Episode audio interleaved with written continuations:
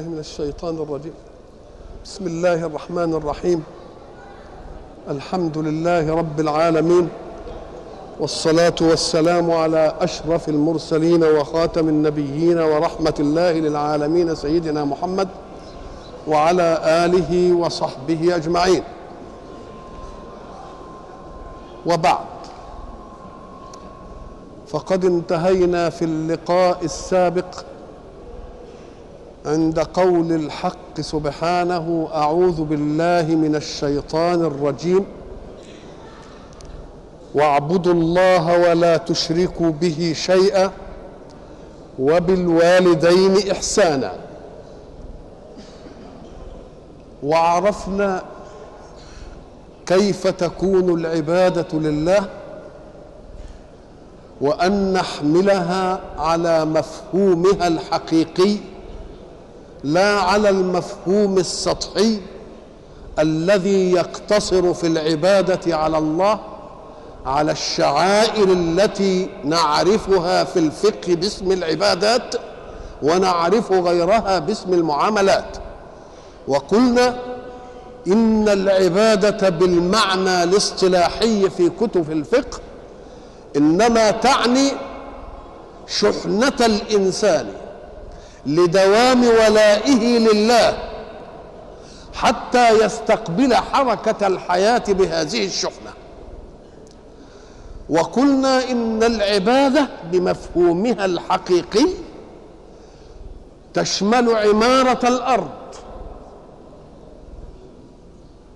لأن الحق سبحانه قال خلقكم من الأرض واستعمركم فيها. اذا فكل عمل يؤدي إلى عمارة الكون. واستنباط أسرار الله في الوجود يعتبر عبادة لله. لأنك تخرج من كنوز الله التي أودعها في الأرض ما يلفت الناس على أن ما عندكم ينفد وما عند الله باق وكذلك قلنا إن العبادة هي طاعة العابد للمعبود فيما أمره وفيما نهاه عنه. وإذا كان الله قد طلب من المؤمن به أن يسعى إلى الصلاة يوم الجمعة ويزر البيع فقال إذا نودي للصلاة من يوم الجمعة فاسعوا إلى ذكر الله وذروا البيع. إذا فقد طلب منا فعل شيء هو أن نسعى لنداء الله. وطلب منا أن ندع شيئا وهو البيع. فلم يخرجنا إلى عبادته وهي صلاة الجمعة من فراغ ولا من خلاء وإنما من البيع الذي يمثل جماع حركة الحياة كلها لأن البيع كما قلنا واسطة بين المنتج لأي صنعة وبين المستهلك. ذلك يشمل الصناعات. فإذا ما قال الله فإذا قضيت الصلاة فانتشروا في الأرض وابتغوا من فضل الله ذلك أمر جديد. يخرجك من عبادة إلى عبادة أخرى. ذلك هو مفهوم العبادة الذي يجب أن يتركز في أن نعمل العقول التي خلقها الله لنا بالطاقات التي مخلوقة لنا في المادة المخلوقة وهي الأرض وعناصرها لنرقى بالوجود إلى مستوى يسعدنا ويسعد الناس جميعا. ذلك هو مفهوم العبادة. فإذا قال الحق اعبدوا الله ولا تشركوا به شيئا لأن الشرك يضر قضيتكم في الوجود. يجعل الإنسان لفوتا. ولذلك قلنا إن الحق حينما ضرب المثل لراحة الموحد ولتعب المشرك قال ضرب الله رجلا. مثلا رجلا فيه شركاء متشاكسون ورجلا سلما لرجل. عبد مملوك لجماعة والجماعة مختلفة ومتشاكسة. أي واحد منهم يأتمر بأمره؟ إن أرضى هذا أغضب هذا. اذا فهو مبدد مبدد الطاقات موزع المجهود مقسم لالتفاتات ولكن العبد المملوك لواحد لا يتقبل إلا أمرا منه ونهيا منه. فضرب الله مثلا رجلا فيه شركاء متشاكسون ورجلا سلما لرجل. هل يستويان؟ الله يطرح القضية لعباده. بصيغة الاستفهام وهو عالم بكل شيء ليجعل المؤمن به يشاركه في الجواب. لحتى إذا ما قال هل يستويان عرضها الإنسان كسؤال على عقله ويريد أن يجاوب. ماذا يقول؟ نقول كده بطبيعة الفطرة وبطبيعة منطق الحق لا يا رب لا يستويان. اذا أنت قلتها لم يفرضها الله عليك وإنما طرحها سؤال منه إليك. حتى يكون جوابك الذي لا تجد جوابا سواه. لا يا رب لا يستوي هذا وهذا. فإذا ما كنت كذلك ارتحت في الوجود وتوفرت طاقتك لأمر واحد ونهي واحد وتصبح سيدا في الكون. لا تجد في الكون من يأخذ منك عبوديتك للمكون. تلك راحتنا في اعبدوا الله. ولا تشركوا به شيئا لأن الإشراك به يتعبكم. يا ليتكم حين تشركون تأخذون عون الله ولا تأخذون عون الشركاء.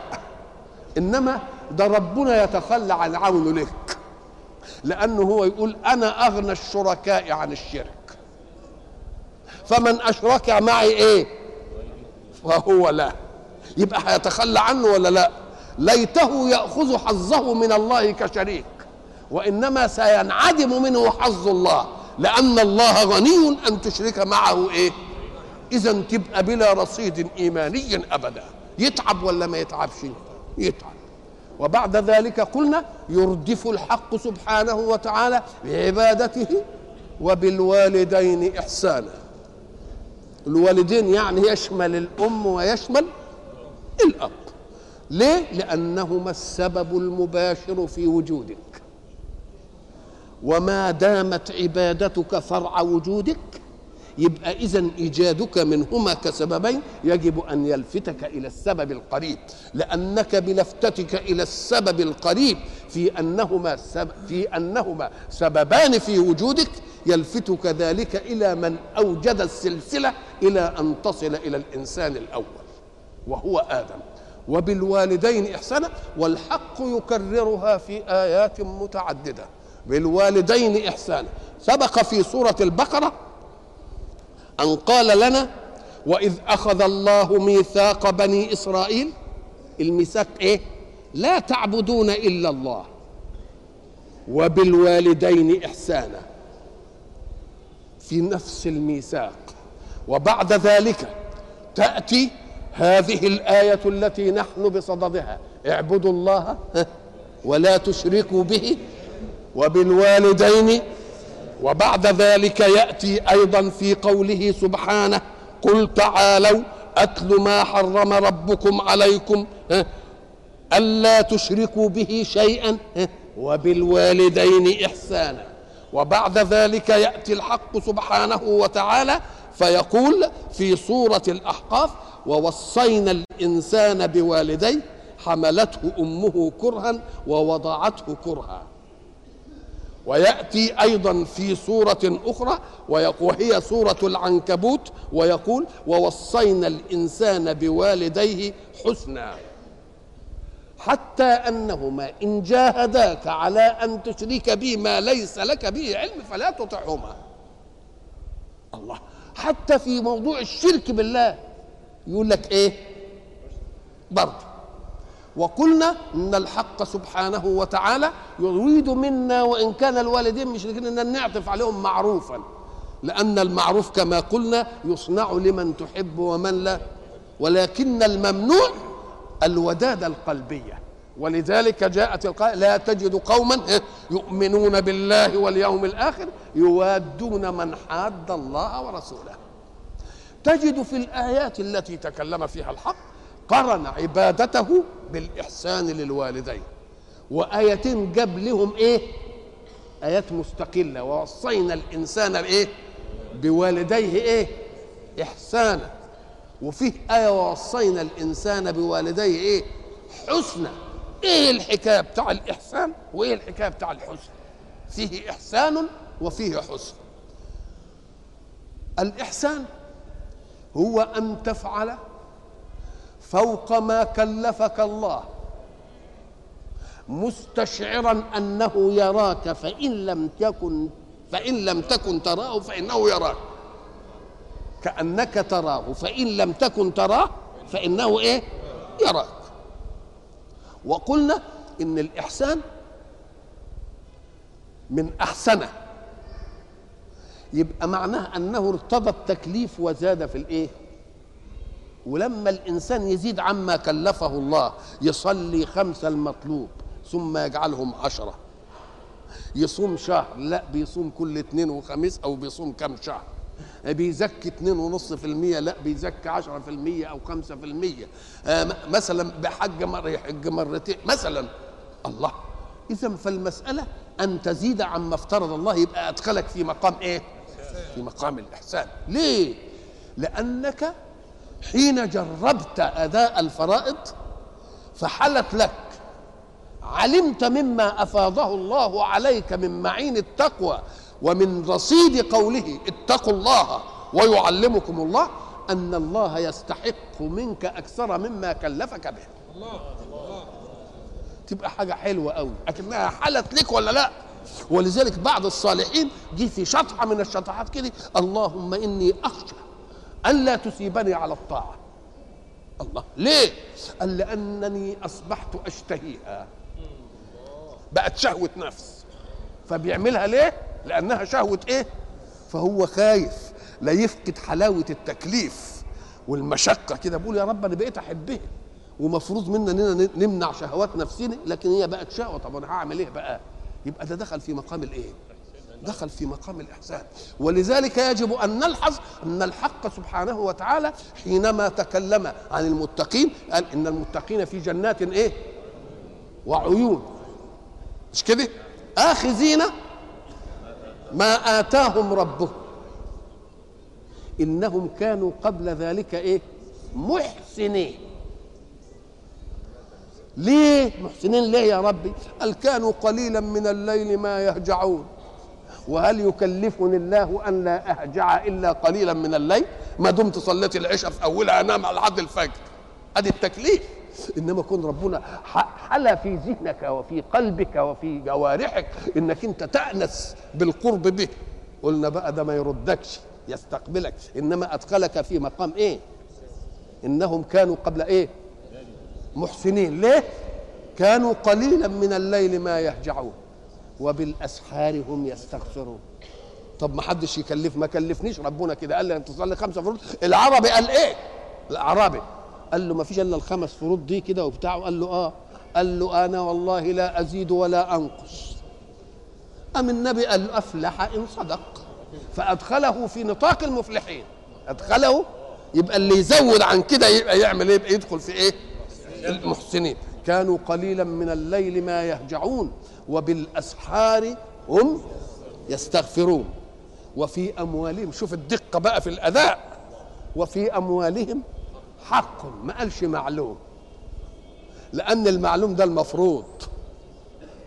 كأنه فرض على في ماله حقا وجعله حق. لكن مش معلوم. عشان يبقى يمطها بقى. 2 ونص 5 في المية 5 المية 10 المية 50 المية. زي ما ما هو حق إنما ما قالش إيه؟ معلوم لكن حينما يتكلم عن مطلوب الإيمان يقول وفي أموالهم حق معلوم. اذا دول بالعمل ده دخلوا في مقام إيه؟ آه أكنه بيقول لك اوعى تعمل مع والديك بس القدر المفروض. ادخل في برهما والإنعام عليهما والتلطف بهم والرحمة لهما وذلة الانكسار فوق ما يطلب منك. ادخل في مقام الإيه؟ ثم يأتي في آلة أخرى ليأتي ليقول لنا إيه بقى؟ يسيب كلها إحسان إحسان إحسان دخلني في مقام الإحسان. يريد أن يصف ذلك الإحسان بشيء آخر وهو الحسن. وهو ووصينا الإنسان بوالديه إيه؟ حسنا. اللي مقابل للحسن إيه؟ يبقى القبح. يبقى اذا الحق أدخلنا في مقام الجمال مرة وفي مقام الإحسان مرة إيه؟ مرة أخرى. ولكنك تلاحظ أن الحق سبحانه وتعالى حينما وصى الإنسان بوالديه الوصية للوالدين اللي هم الأب والأم فيه ملحظان يجب أن لا يغيب عن بال المسلم. الملحظ الأول أن الوالدين المفروض في الشائع الغالب أنهما يربيان ابنهما. وفي النادر أن يصبح الولد يتيما ويربيه غير مين؟ ويربيه غير والديه. فقال الحظ سبب الوجود والتربية بعد الوجود. سبب الوجود ده مبرر على إنك أنت تدي لهم حقوقهم وفوق حقوقهم وتدخل في مقام الإحسان. ولكنه جاء في آية وعلل ذلك فقال وقل رب ارحمهما كما ربياني صغيرا جاب التربية فين؟ حيثية في الدعاء لهما وفي البر بهما وفي التوصية. نقول له إذن لو أن إنسانا أخذ فيك منزلة التربية ولم يأخذ فيك سببية الإيجاد يبقى له حق عليك أن يكون كوالدك كما ربياني الله إذا إذا كان والدي ينتهم أو واحد منهم انتهى اللي قام بتربيتي مين؟ ما دام جابها في علة إيه؟ في علة الإحسان وقل رب ارحمهما كما إيه؟ نقول الله إذا فمرة لا يجيء بمسألة التربية عشان يديها للوالدين اللي هم سبب الإيه؟ الإيجاد ويلزم من سببية الإيجاد وأنهم أو أنهم والدين أنهم هيربوه لكن قول الحق ثاني ربياني يدل على أن للتربية أيضا ملحظا فمن ربى إنسانا يبقى لازم يأخذ حظ الإيه؟ حظ الوالدية. حظ شيء آخر.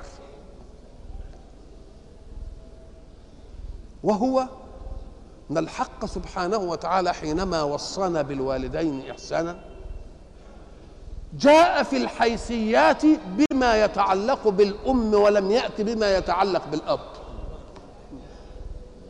ووصينا الإنسان بوالديه إيه؟ حملته أمه كره ووضعته وحمله وفصاله ثلاثون شهر. يبقى جاب جاب الحيثيات لمين؟ للأم. وترك الأب بدون حيثية؟ أم قال لك نعم. ليه؟ ده كلام رب. كلام إيه؟ كلام رب. قال لك لأن إحسان الوالدة بولدها وجد قبل أن ينزل ولدا. حافظت على نفسها وكل ما تيجي تمشي تمشي بحساب وأي حد يجي ناحيتها يتحف الله انشغلت به وأيضا وهو صغير كل المطالب قبل ما يتكون له عقل وفكر. مين اللي بيقضيها له؟ أم. وأبوه يبقى بعيد إيه؟ ما يعرفوش إلا لما يبقى ولد كده بقى عايزين نربيه لكفاح الحياة. لكن الأم هي في الأثناء الخدمات اللي أدتها الأم لم يكن للطفل عقل يدرك هذا. إنما بمجرد ما وجد العقل يلاقي أبوه هو اللي في الصورة. كل ما يعوز حاجة أبوك يجيب لك كل ما يعوز مش عارف إيه أبوك كل ما يعوز حاجة أبوك ونسي مين؟ نسي الحكاية بتاعت الحمل دي ونسي حكاية إنه قعدت ترضعه ونسي حكاية إنها قعدت تسهر وياه ونسي نسي ده كله لأنه ما إيه؟ كانش عنده يدرك يبقى مين اللي عايز الحيثية؟ إذا فحيثية إكرام الأب موجودة لل... للإنسان لأنه هو شاف كل عمله وياه إنما الأم يمكن إيه؟ لأنها جاءت في غفلة الطفولة. جاءت فعمل إيه؟ ربنا راح جايب قال وصينا الإنسان بوالديه حسن حملته أمه كرها ووضعته كرها وحمله وفصاله ثلاثون إيه؟ شهرا. احسبها بقى. 30 شهر في إيه؟ في العم. والأب فين؟ الأب صحيح هو اللي جايب الأصل. إنما الطفل ما يعرفش الحكاية الثانية دي وبعدين لما يتنبه كده يجي ابوه هو اللي بيجيب كل حاجة. ولذلك لما يقول لها اعملي لي كذا ولا كذا تقول له انت من قول لها هو انت جايبها من بيت ابوكي الله. يعني أبوه اللي جايبه. يعني أبوه هو اللي في الصورة. فما دام أبوه اللي في الصورة يبقى الحيثية عنده. خلاص؟ والأم حيثيتها إيه؟ فكان ولا بد أن يذكرنا الله بالح- بالحيثية المتروكة إيه؟ عند الإنسان مكتفيا بالحيثية للأب الموجودة عند الإيه؟ ولذلك تجد النبي صلى الله عليه وسلم حينما يوصي قال له إيه أمك؟ ثم من؟ قال أمك. ثم من؟ أمك. وبعدين ثم من؟ قال أبوك. لما تقعد تحسبها كده تلاقيها إيه؟ تلاقيها واضحة. وأيضا فالأبوة رجولة. والرجولة كفاح وسعي. والأمومة حنان وستر مستورة. يبقى دي عايزة إنك أنت ما تفضحهاش كده وتخليها تتجربع وتعمل أبوك لما يتجربع زي بعضه. الجربعة بتاعته شرف له إنما الجربعة بتاعت ام الأم تبقى حاجة صعبة قوي فالحق سبحانه وتعالى إدانا الايه إدانا. وبالوالدين إيه؟ إحسانا. أو وبالوالدين إيه؟ حسنا. ومقرونة في ثلاث آيات بعبادة مين؟ بعبادة الله وعدم الإشراك به. وبعدين أفردهم بإيه؟ بالإحسان. ولاحظ هنا أن الحق سبحانه وتعالى حينما تكلم آه قال لك إن إن جاهداك على أن تشرك بما ليس لك بعلم فلا إيه؟ ما تطعهمش. إنما ده يمنع أن تديهم المعروف وتديهم الحاجة اللي هم عايزين إيه؟ أم قال لك. ما جاش في حتة وقل رب ارحمهما كما ربياني لأنه وإن ربى جسده فلم يرب قلبه وإيمانه. يبقى ما يستحقش بقى إن أنا بقول إيه؟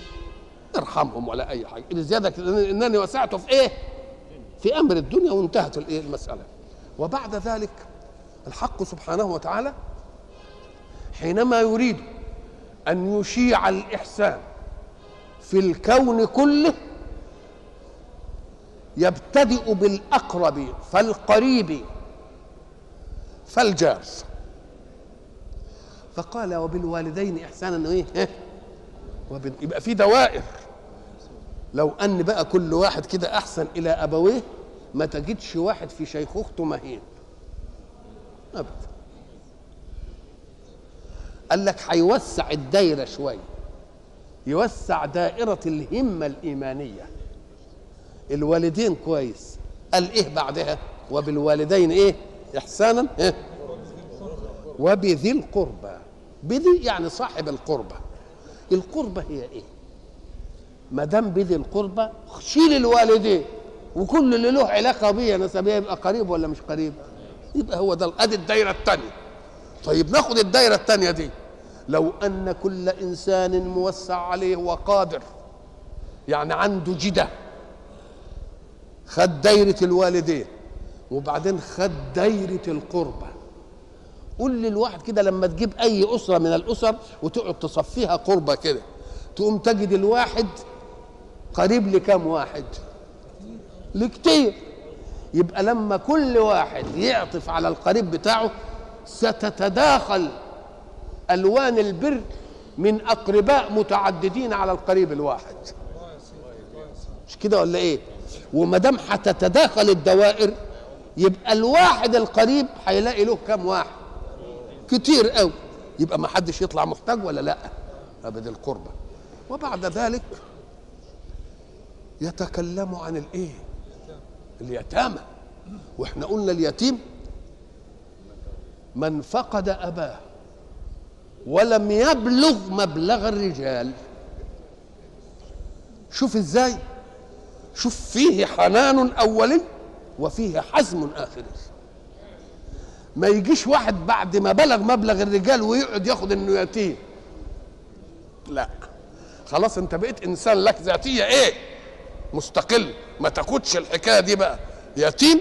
أنت ما بلغت مبلغ الرجال خلاص انحل ذلك الوصف عنك. انحل ذلك. اللي تموت أمه ما نسميهش يتيم. لكن في الحيوانات اليتيم في الحيوانات مش اللي فقد أبوه اللي فقد أمه. ليه؟ أم قال لك لأن الطفولة بتاعت الحيوانات بمجرد ما تنتهي الحيوان ما يعرفش لا أبوه ولا أمه. في الكون وبقى انتهت المسألة.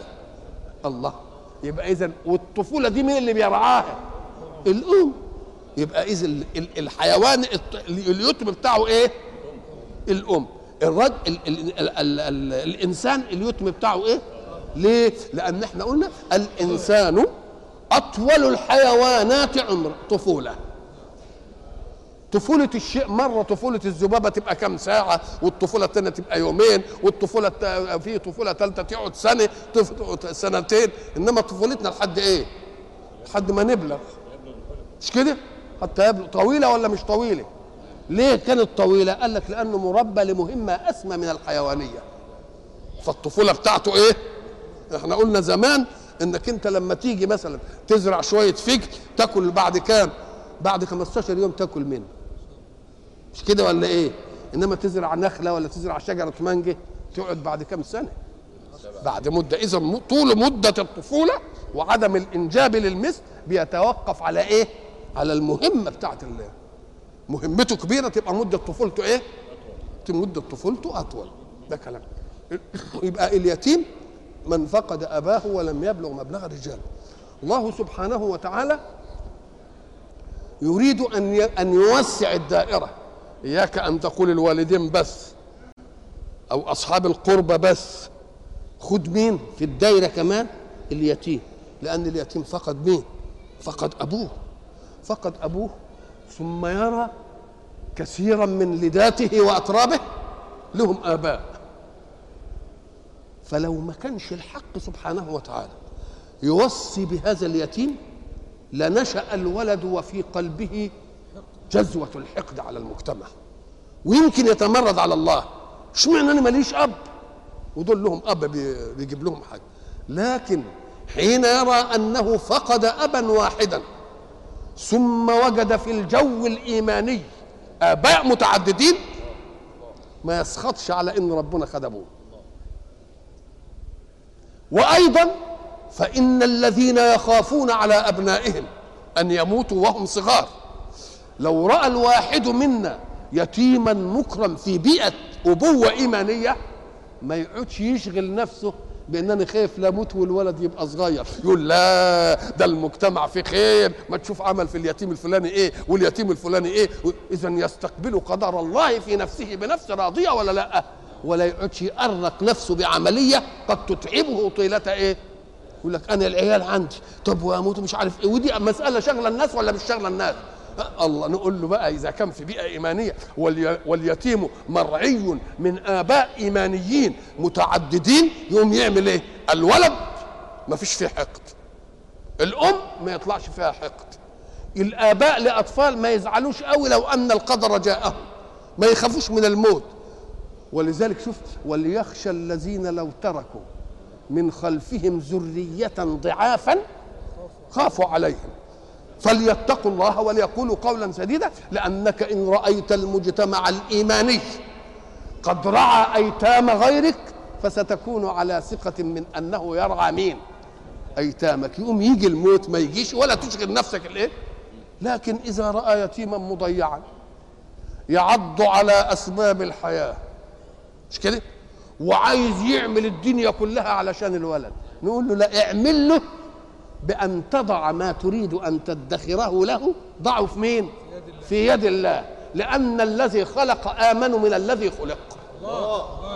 نعم ولذلك إحنا قصة كنا قلناها لكم زمان إن سيدنا معاوية وسيدنا عمرو بن العاص قاعدين في أخريات حياتهم فبيتنادروا بي- بيتكلموا يعني كده ويا بعض.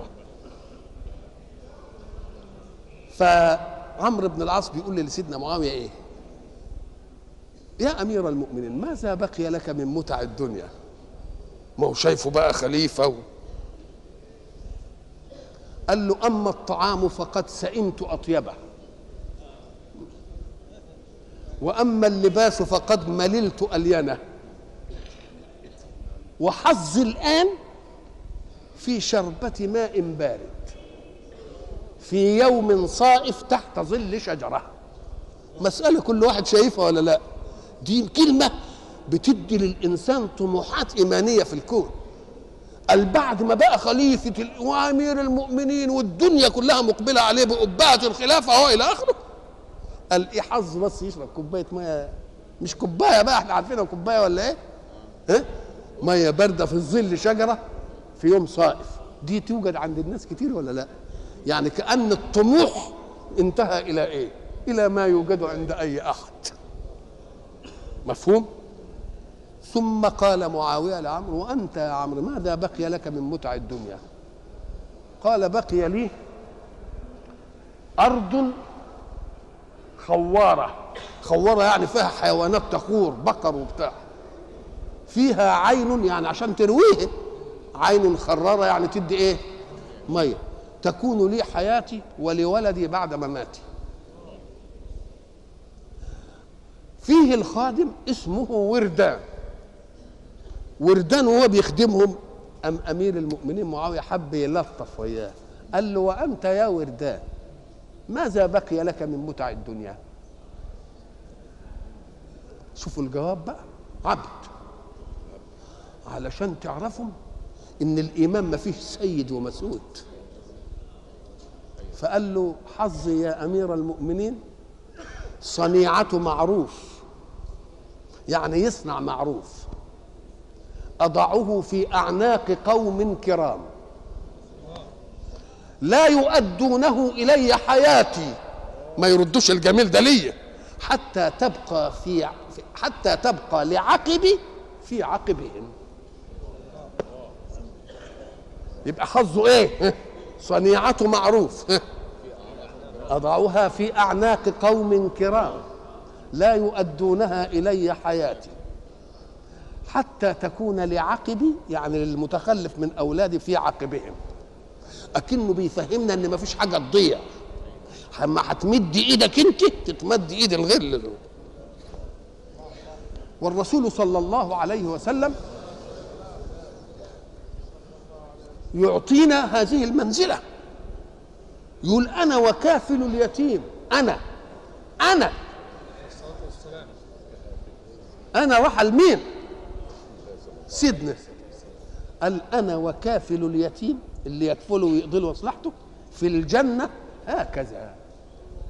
الله. إيه إيه المنزلة دي؟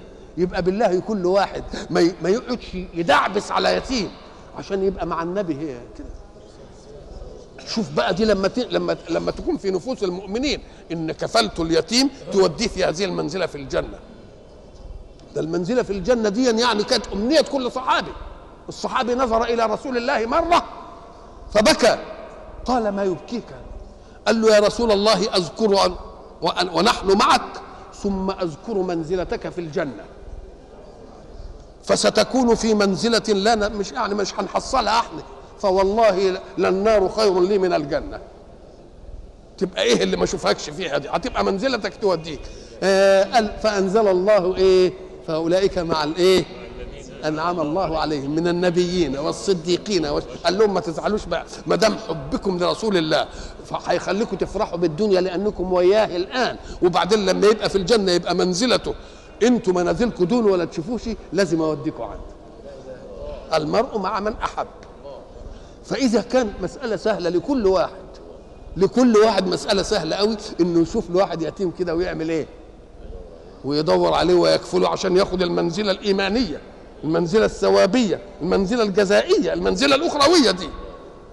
وبعد ذلك يعطي لنا صورة لتربيب الجزاء وتكسيره.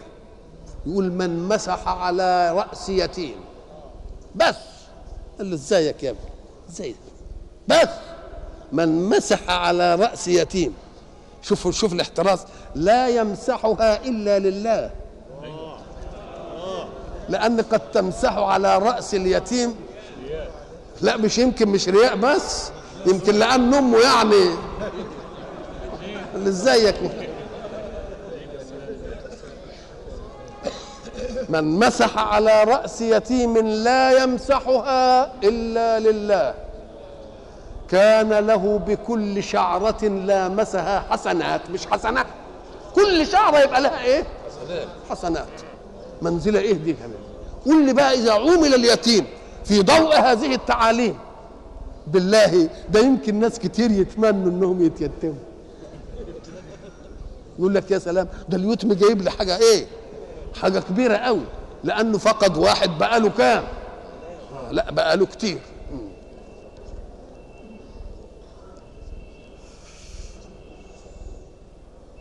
والمساكين. إحنا عارفين إن المسكين وقالوا الفقراء والمساكين إنما كلهم في حاجة ولا لأ؟ آه المساكين اللي فيه يقول لك المسكين يا ترى هو اللي ما يملكش حاجة خالص ولا الفقير هو اللي ما يملكش حاجة خالص ولا يملك دون حاجته؟ يعني إيراده مثلا عشرة إنما هو يعوز حاجته كام؟ عشرين. المهم إنه يبقى إيه؟ محتاج. وكلمة مسكين دي اولا فقير اسم معبر ومسكين أيضا اسم معبر. فقير من فقار الظهر يعني حاجة تقطم الوسط زي ما بيقولوا. مش كده ولا لا؟ طيب ومسكين من المسكنة والسكن و... يعني نقول ملوش خربوش يعني ملوش استعلاء في حاجة. الباب اللفظ نفسه إيه؟ لفظ معبر. والجار كلمة جارة عدل. جار عن الطريق عدل. طب إزاي بنسمي بقى اللي في ريحي جار؟ قال لك ليه لأن اللي في ريحك حدد مكانا له من دنيا واسعة. يبقى ترك الكثير وإيه؟ عدل عن الكثير ويجيه للإيه؟ بقى جارك. خد حتة واحدة. يبقى اسمه عدل عن إيه؟ عدل عن دنيا واسعة كتيرة قوي وجه إيه؟ فسموا الجار لمن جار أي لمن عدل عن كل الأمكنة إيه؟ الواسعة إلى مكان في ريحك. إلى مكان إيه؟ يبقى ده اسمه إيه؟ ده اسمه جار. الجار ده الله سبحانه وتعالى يوصيني به. وأوصاني بالإيه؟ بالقريب وباليتيم. وبالمسكين. فمرة يوجد للجار حقوق كتيرة قوي. هو جار فله حق. مش كده؟ ويتيم فله حق. خلاص؟ وما دام يتيم له حق هيبقى له أكتر من حق المسكين. لأن المسكين كبير برضه. مش واخد بالك؟ الله. وإن كان. ومسلم يبقى له حق الإسلام. ذلك النبي قال في جار له ثلاث حقوق وجار له حقين وجار له حق واحد. فالجار وقريب يبقى له كم حق؟ حق الجوار وحق القرب وحق الإسلام. يبقى ثلاثة ولا لا؟ على الأول. طيب على الأول. جار ولهش قريب. يبقى له حق الجوار وحق حق الإسلام. الله. طيب جار ولهش مسلم. حق الجوار بس. حق الايه؟ شوف حتى الايه؟ ولذلك النبي صلى الله عليه وسلم يعطينا الصورة فيقول ما زال جبريل يوصيني بالجار.